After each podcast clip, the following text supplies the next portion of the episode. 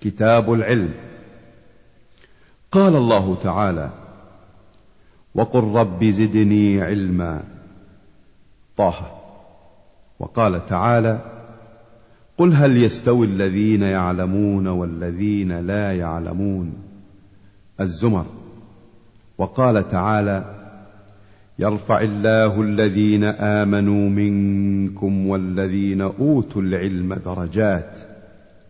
المجادلة.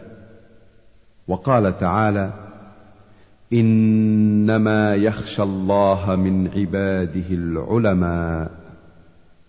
فاطر. وعن معاوية رضي الله عنه قال قال رسول الله صلى الله عليه وسلم من يرد الله به خيرا يفقهه في الدين. متفق عليه. وعن ابن مسعود رضي الله عنه قال قال رسول الله صلى الله عليه وسلم لا حسد إلا في اثنتين. رجل آتاه الله مالا فسلطه على هلكته في الحق ورجل آتاه الله الحكمة فهو يقضي بها ويعلمها. متفق عليه. والمراد بالحسد الغبطة وهو أن يتمنى مثله. وعن أبي موسى رضي الله عنه قال قال النبي صلى الله عليه وسلم مثل ما بعثني الله به من الهدى والعلم كمثل غيث أصاب أرضا فكانت منها طائفة طيبة قبلت الماء فأنبتت الكلأ والعشب الكثير وكان منها أجادب أمسكت الماء فنفع الله بها الناس فشربوا منها وسقوا وزرعوا. وأصاب طائفة منها أخرى إنما هي قيعان. لا تمسك ماء ولا تنبت كلأ. فذلك مثل من فقه في دين الله ونفعه ما بعثني الله به فعلم وعلم ومثل من لم يرفع بذلك راسا ولم يقبل هدى الله الذي أرسلت به. متفق عليه.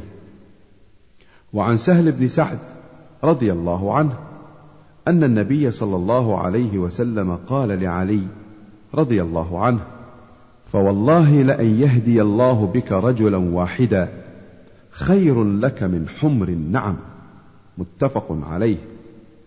وعن عبد الله بن عمرو بن العاص رضي الله عنهما أن النبي صلى الله عليه وسلم قال بلغوا عني ولو آية وحدثوا عن بني إسرائيل ولا حرج ومن كذب علي متعمدا فليتبوأ مقعده من النار. رواه البخاري. وعن أبي هريرة رضي الله عنه أن رسول الله صلى الله عليه وسلم قال ومن سلك طريقا يتلمس فيه علما سهل الله له به طريقا إلى الجنة. رواه مسلم. وعنه أيضا رضي الله عنه أن رسول الله صلى الله عليه وسلم قال من دعا إلى هدى كان له من الأجر مثل أجور من تبعه لا ينقص ذلك من أجورهم شيئا. رواه مسلم. وعنه قال قال رسول الله صلى الله عليه وسلم إذا مات ابن آدم انقطع عمله إلا من ثلاث صدقة جارية أو علم ينتفع به أو ولد صالح يدعو له. رواه مسلم. وعنه قال سمعت رسول الله صلى الله عليه وسلم يقول الدنيا ملعونة ملعون ما فيها إلا ذكر الله تعالى وما والاه وعالما أو متعلما. رواه الترمذي وقال حديث حسن. قوله وما والاه أي طاعة الله. وعن أنس رضي الله عنه قال قال رسول الله صلى الله عليه وسلم من خرج في طلب العلم فهو في سبيل الله حتى يرجع. رواه الترمذي وقال حديث حسن. وعن أبي سعيد الخدري رضي الله عنه عن رسول الله صلى الله عليه وسلم قال لن يشبع مؤمن من خير حتى يكون منتهاه الجنة. رواه الترمذي وقال حديث حسن. وعن أبي أمامة رضي الله عنه أن رسول الله صلى الله عليه وسلم قال فضل العالم على العابد كفضلي على أدناكم. ثم قال رسول الله صلى الله عليه وسلم إن الله وملائكته وأهل السماوات والأرض حتى النملة في جحرها وحتى الحوت ليصلون على معلم الناس الخير. رواه الترمذي وقال حديث حسن. وعن أبي الدرداء رضي الله عنه قال سمعت رسول الله صلى الله عليه وسلم يقول من سلك طريقا يبتغي فيه علما سهل الله له طريقا إلى الجنة وإن الملائكة لتضع أجنحتها لطالب العلم رضا بما يصنع وإن العالم ليستغفر له من في السماوات ومن في الأرض حتى الحيتان في الماء وفضل العالم على العابد كفضل القمر على سائر الكواكب. وإن العلماء ورثة الأنبياء وإن الأنبياء لم يورثوا دينارا ولا درهما وإنما ورثوا العلم فمن أخذه أخذ بحظ وافر. رواه أبو داود والترمذي. وعن ابن مسعود رضي الله عنه قال سمعت رسول الله صلى الله عليه وسلم يقول نضر الله امرأ سمع منا شيئا فبلغه كما سمعه فرب مبلغ أوعى من سامع.